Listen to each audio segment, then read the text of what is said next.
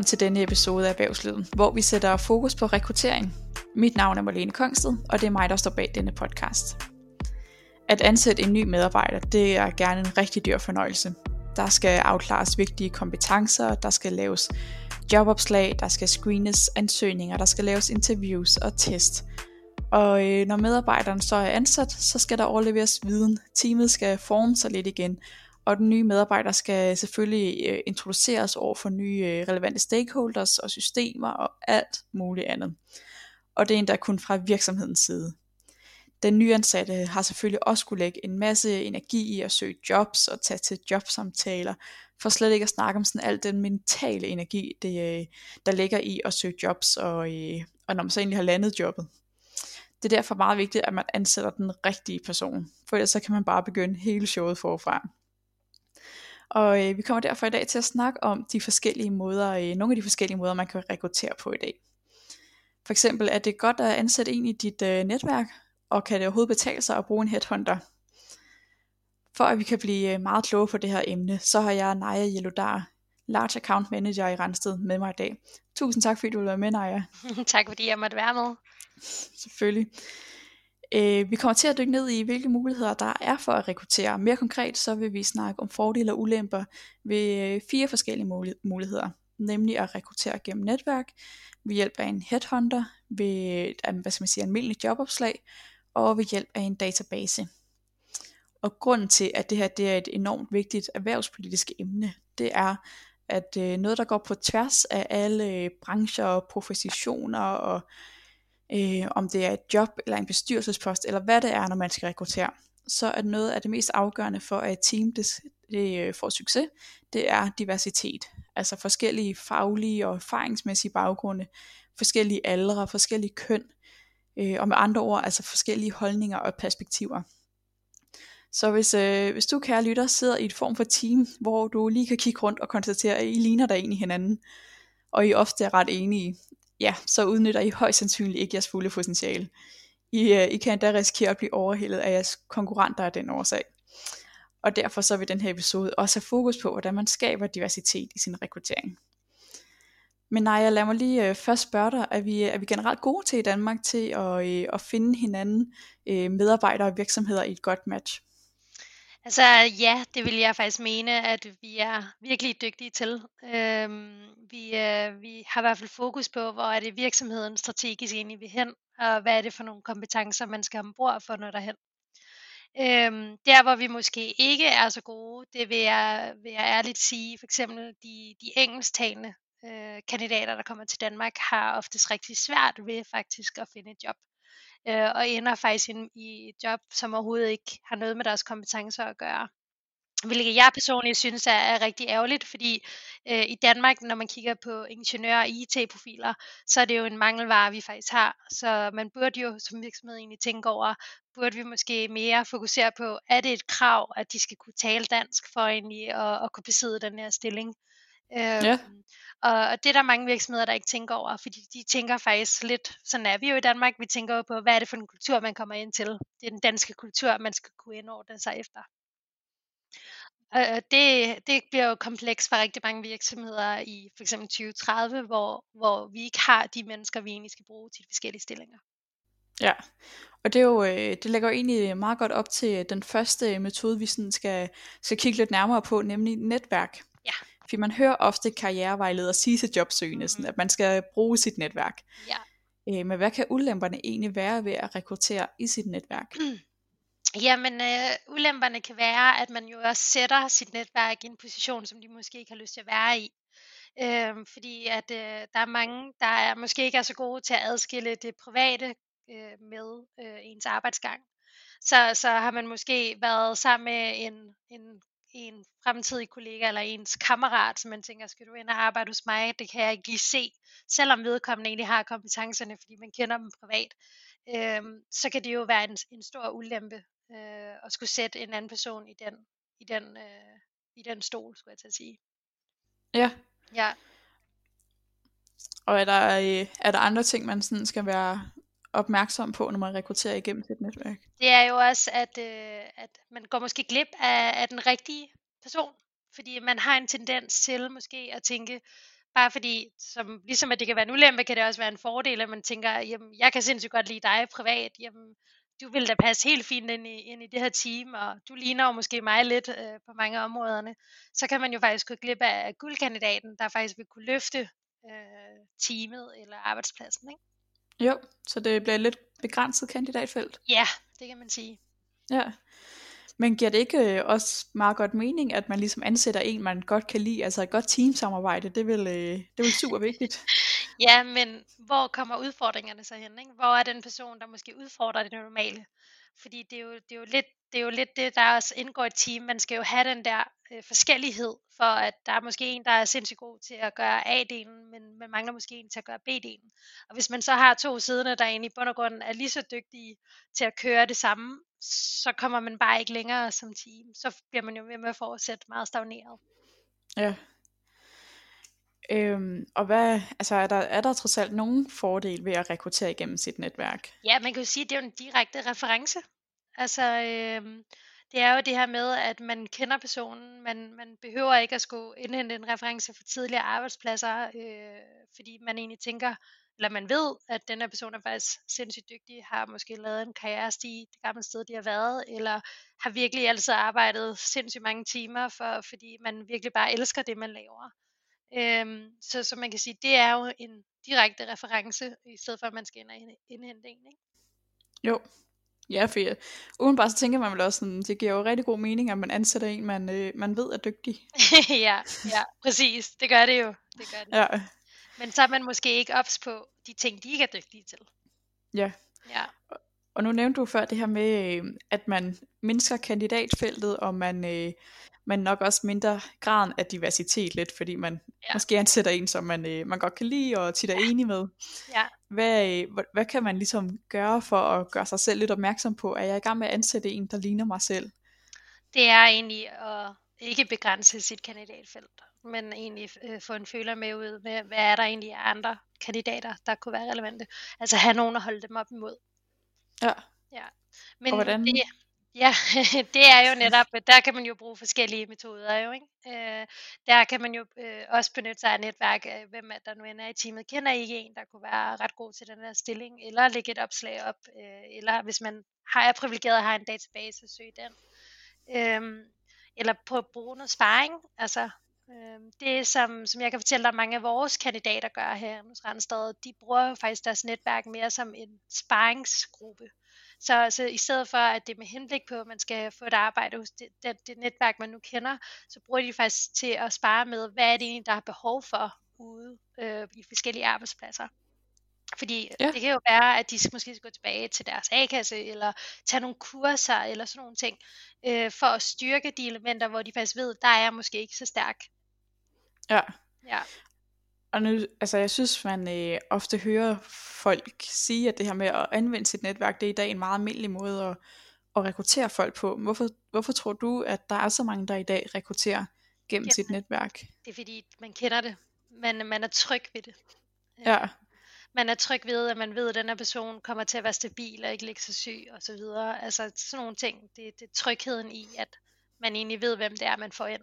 Og den tryghed, ja. den er meget begrænset i forhold til, når du møder en kandidat til to eller tre samtaler øh, og indhenter nogle referencer, fordi det er også begrænset, hvad du egentlig må, må spørge om i en reference. Øhm, så, så det er helt klart trygheden, der gør, at det er nemmere for dem at rekruttere gennem et netværk. Ja.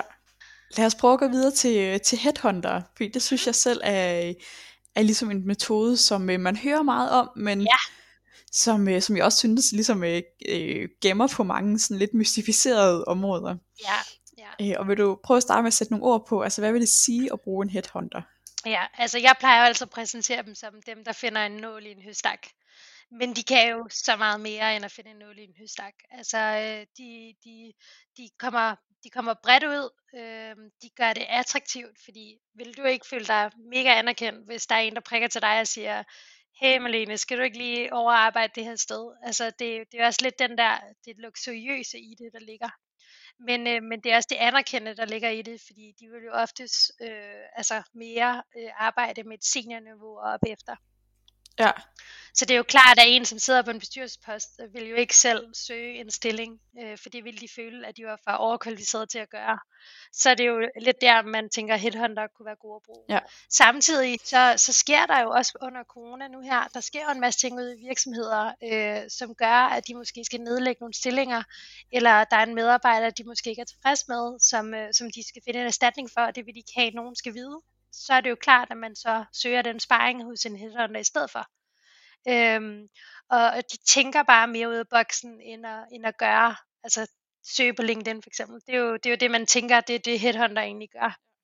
Men de gør faktisk meget mere, end, end bare kun at søge på LinkedIn. Fordi der ligger også hele salgsaspektet i det med at skulle sælge jobbet og afdække, har de nu kompetencerne. Øh, her hos Randstad, der, øh, der laver de det, der hedder en Jobbers Company Fit, for at få 360 graders rundt om, om hele både stillingen, kunden og kandidaten, for at de ligesom, ligesom bliver et match. Ja. Øhm, så, så, så det er altså det er en meget bred betegnelse, selvom man tror, at det kun er at finde nålen i høstangen. Jo, men kan det ikke også, ja. øh, kan man ikke, fordi det jo netop føles altså øh, super fedt lige at blive prikket på skuldrene og, og øh, sagt ud super attraktiv, ikke? kan man ja. ikke risikere, at, ja. at den person, man ansætter, bliver lidt forført af det, og når så hverdagen melder sig på den nye arbejdsplads, når man så var det, så var det måske ikke så fedt, som det lige lød, fordi at vedkommende ikke selv opsøgte det. Jo, det kan man, det kan man godt sige, men det ligger jo også hos headhunteren selv. Det, det er der, hvor man skal have selvindsigten, og heller ikke oversælge jobbet og reelt, og det er også det, jeg siger med, at vi laver den her Jobbers Company Fit, det er netop for at fortælle kandidaterne, det her, det er faktisk, hvad du kommer ind til og skal lave. Øh, fordi hvis du ikke kan formå at gøre det, så bliver det jo en fejlrekruttering, og det koster en virksomhed ekstremt mange penge at lave en fejlrekruttering. Det hører vi også rigtig meget om i medierne. Ja. Så det ligger meget hos, hos recruiteren, altså headhunteren selv, i at skulle egentlig fortælle præcis, hvad er det egentlig, de skal lave. Fordi formår du ikke at gøre det, så bliver det ikke en succes for nogen af parterne. Ja. ja. Og altså, øh, nu sagde du selv det her med, at det er måske lidt mere seniorprofiler. Sådan, er, det, altså, er det kun til de noget tungere stillinger, at man ligesom bruger headhunter? Øhm, jeg vil sige, hvis jeg igen referencen her ind til Randstad, vores headhunter, de sidder ikke kun med seniorprofiler. Øh, de sidder faktisk også med salgsprofiler for eksempel, fordi det er også at finde en nål i en høstak. Vi ved, hvor eftertragtede sælgere egentlig er. Øhm, men, men som hovedsageligt, altså ja, ofte sidder det, så, så vil man bruge dem til de her specialister. Er, er headhunters øh, altså en god måde at skabe diversitet på, eller Øhm, kan, altså hvis nu en medarbejder, eller hvis nu at øh, jeg er chef, når jeg går ud og siger, at jeg vil gerne have en person, der kan det her, det her, det her, og det er sjovt nok nogle af de værdier, jeg måske også selv ligesom sidder med, ikke? Ja. så kan man godt risikere, at man bare sætter en headhunter til så at finde en, der fuldstændig ligner sig selv. Det kan man godt risikere. Men igen, ligesom at det ligger hos headhunteren og udfordrer øh, kandidaterne, så ligger det også at udfordre kunden.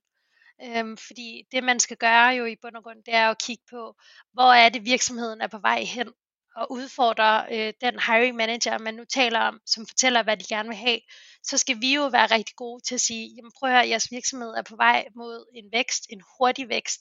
Den her profil vil ikke passe ind til den hurtige vækst. Så du er nødt til at tænke på, det er de her kompetencer, du skal have. Eller digitalisering er der også mange virksomheder, der er i gang med. Ikke?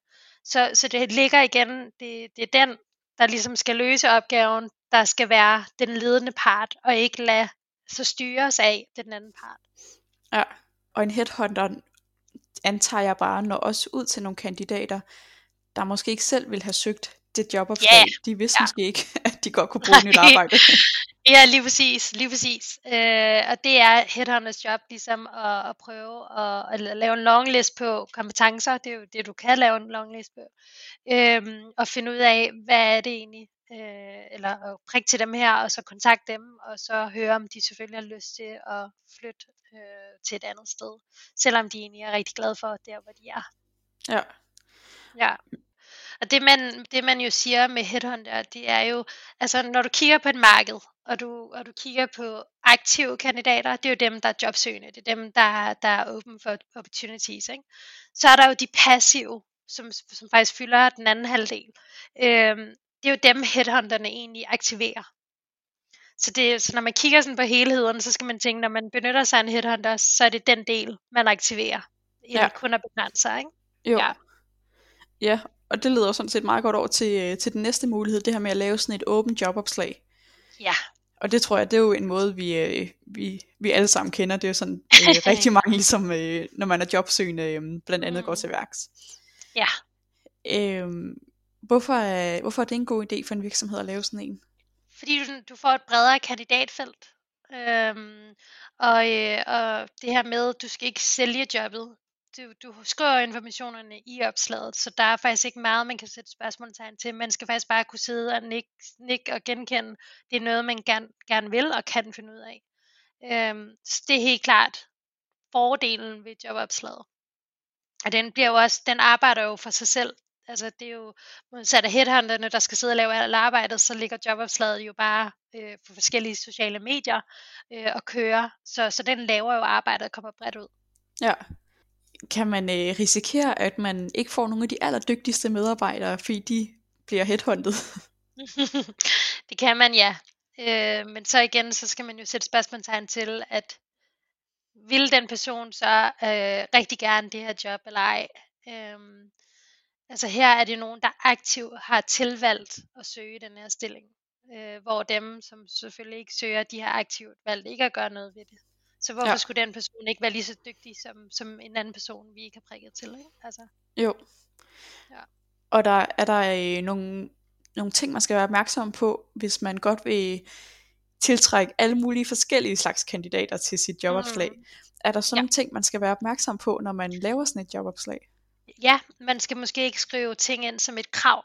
Øh, altså, så skal det jo være et bredt opslag, medmindre det selvfølgelig er et krav fra virksomhedens side af.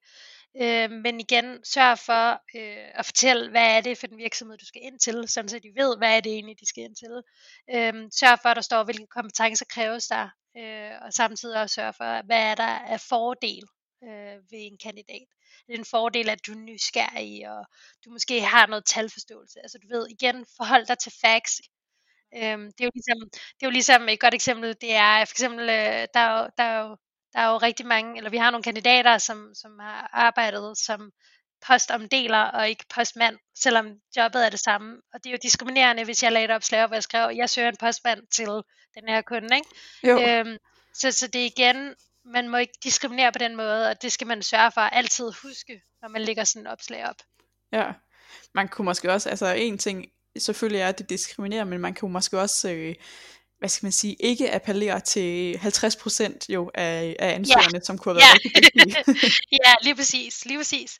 Altså, men, men samtidig for eksempel, øh, vi har nogle produktionskunder, øh, hvor det er vigtigt, at man er fysisk stærk hvad, vil, hvad, hvad betyder det så? Betyder det så, at du som kvinde ikke kan, kan søge den her stilling? Nej, det gør det faktisk ikke. Det betyder faktisk bare, at det er fysisk hårdt arbejde, som du skal kunne tåle. Hvis ja. du som kvinde sidder og tænker, det kan jeg faktisk godt finde ud af, så skal du da helt klart søge. Altså, så, så, selvom det er bare fordi, man i Danmark egentlig, eller man måske i mange lande, har, har gjort det til, at det er kun mænd, der kan finde, finde ud af fysisk hårdt arbejde, så er det også klart, så det er kun mænd, der søger. Ikke? Altså, så jeg tror også, det handler om indstilling, at man også selv skal tænke, nej, det kan jeg fandme godt finde ud af. Så ja. den skal jeg søge. Ikke? Altså, jo. Ja. Præcis. Super.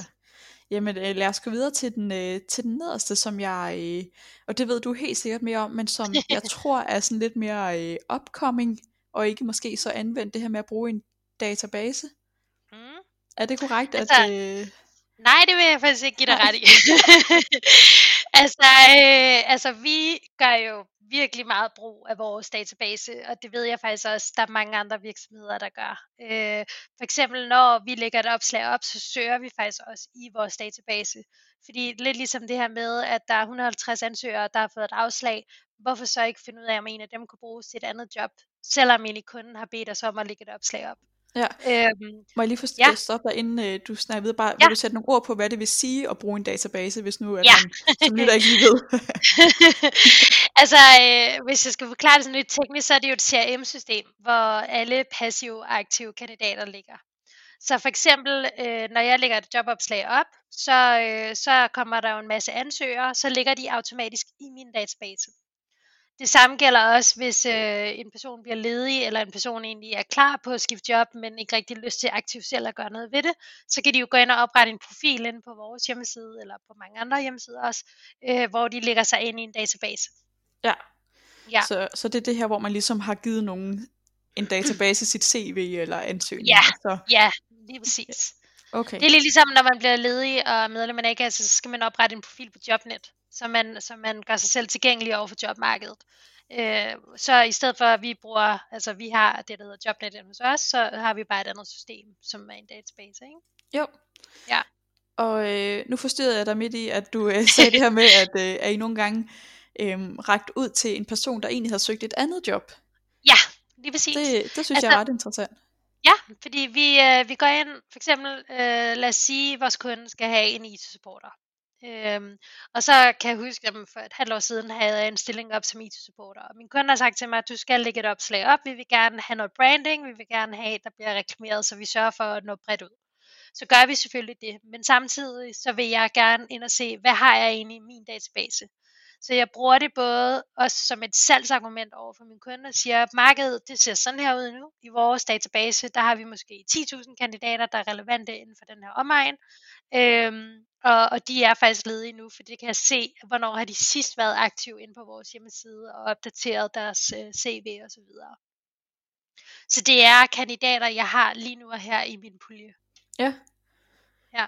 Og altså så for dem kan man sige, at folk de ligesom, de er motiveret til at skifte jobs. Det kan man ligesom sikre sig. Det kan man godt sikre sig, ja, men der ligger så det arbejde i det, som for eksempel ved jobopslag, der havde du afdækket, at de vil gerne gå til den her løn, de vil gå, gerne gå til de arbejdstider, hvor når du så sidder i databasen og prikker til folk, eller ringer til folk, så, øh, så skal du igen sælge jobbet jo, så skal du igen ringe til dem og sige, prøv at jeg har en det her vikariat, eller den her faste stilling, som løber over den her periode, er det noget, du kan være interesseret i, og så afdække resten, ikke?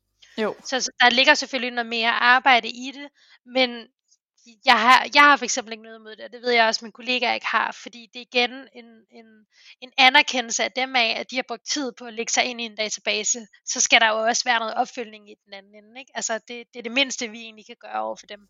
Ja. Ja. Og Det er også sindssygt godt at bruge, for eksempel når, når vi får nogle kunder, som siger, at jeg skal have øh, en medarbejder, der skal starte på mandag, og de ringer torsdag. Jamen så er det klart, så lægger jeg jo ikke et opslag op, så går jeg faktisk bare ind og søger min database, og begynder bare at ringe igennem. ja, så det er også en måde at, at hurtigt rekruttere på. Præcis, præcis. Øhm, bliver den her, altså at bruge en database, bliver det lige så ofte brugt til tunge stillinger som til mindre tunge stillinger? Nu sagde du, hvis nu man ja. har meget kort tid, så er det måske ikke øh, CEO'en, Ja. man går ud og finder. Nej, lige præcis. Øh, den er faktisk også rigtig god at bruge til, til tunge filer. Øh, igen i forhold til markedsanalysen over for kunden, så de ved, hvad, hvad findes der egentlig af kandidater. Men samtidig, øh, vores headhunter for eksempel, selvom at øh, de mest bruger øh, netværk, altså, eller hvad hedder sociale medier til at rekruttere igennem, så, øh, så lægger de også altid et opslag op. Og det gør de af to årsager. Den ene er selvfølgelig branding, men selvfølgelig også til dem, de måske ikke fanger, som er på LinkedIn, eller som er på Stack Overflow, eller hvad der nu end findes af steder, de søger. Ja. Øhm, så, så de kandidater har jo allerede lagt sig ind i vores database, men hvorfor så ikke starte der? Altså sådan se, hvad har vi egentlig i vores database, som kunne være egnet? Øh, Ja. Fordi, fordi vores kunder er ofte sådan, at den her person skulle være startet i går, og en, en headhunter bruger jo 6-8 uger, fra at de starter en search, til at vedkommende står ude på arbejdspladsen. Ikke? Så Jo. hvorfor ikke forkorte den ned, øh, den tid? Og det gør man netop ved at bruge en database. Ja. Og risikerer man ikke ved en database ikke at, øh, at få fat i de medarbejdere, som er rigtig ombejlet, fordi de har ikke givet aktivt selv at gøre noget? Jamen, det er jo det samme som jobopslaget, Marlene. Ikke? Altså, øh, det er igen det her med, at der skal være noget proaktivitet på begge sider. Øhm, altså, at, at, at både kandidaten og os jo ligesom skal være proaktive. Så, så det er også igen, er, de så, er det så dem, vi gerne vil have, hvis vi skal bruge ekstremt meget krudt på at skulle sælge lidt ind til dem hele tiden. Øhm, så hellere have en, hvor de tænker, jeg er sulten, jeg vil faktisk gerne, helt vildt gerne det her job og den her virksomhed. Ja.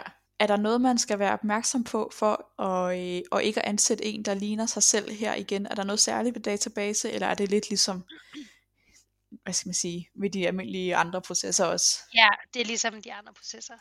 Altså, øh, det, det er vigtigt hele tiden at have kompetencer for øjet. Altså, øh, fordi igen, det, og, og igen op til rekrutteringskonsulenten hele tiden at stille spørgsmålstegn til, hvad er det egentlig, de efterspørger, hvordan ser det ud om, om et år. Øh, så igen, ligesom det andet vil jeg sige. Ja. Ja. Øh, helt sådan generelt, som ikke øh, ligesom ja. knytter sig til, til en af de forskellige måder at rekruttere på, mm. tror du så, vi øh, rekrutterer på samme måde om 5-10 år, som vi gør i dag? Nej, det tænker jeg ikke, vi gør.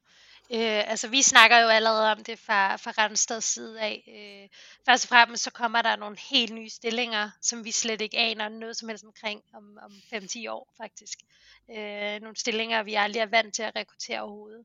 Samtidig med det, så begynder man jo hele tiden at snakke om AI og automatisere. Øh, så det er jo også noget, der kommer til at være meget mere udpræget øh, på længere sigt. Så, så jeg tænker helt klart, at, øh, at det bliver anderledes. Øh, ja. Men der selvfølgelig stadig er altså the human touch altså på det. Selvom at du kan få en robot til at sidde og søge efter kandidater og, og finde ud af øh, det her med big data, hvad er det, altså, hvad er det, de laver, og er de klar til at skifte job, er de klar på at flytte et andet sted hen, øhm, så vil du altid have en menneske ind, et menneske ind over, fordi en robot kan ikke afdække kemi, for eksempel. Nej. Øh, eller andre ting. Så når du siger det her øh, AI, det er ligesom intelligent teknologi, der ligesom ja. kan gå ud ja. og se, okay, er folk må, uden de selv har sagt det, men sådan, er de måske villige til at flytte? Eller? Præcis. Okay. Præcis. Ligesom øh, et godt eksempel, og det er meget skræmmende, fordi et godt eksempel, det er jo ligesom øh, din telefon, der aflytter, ikke?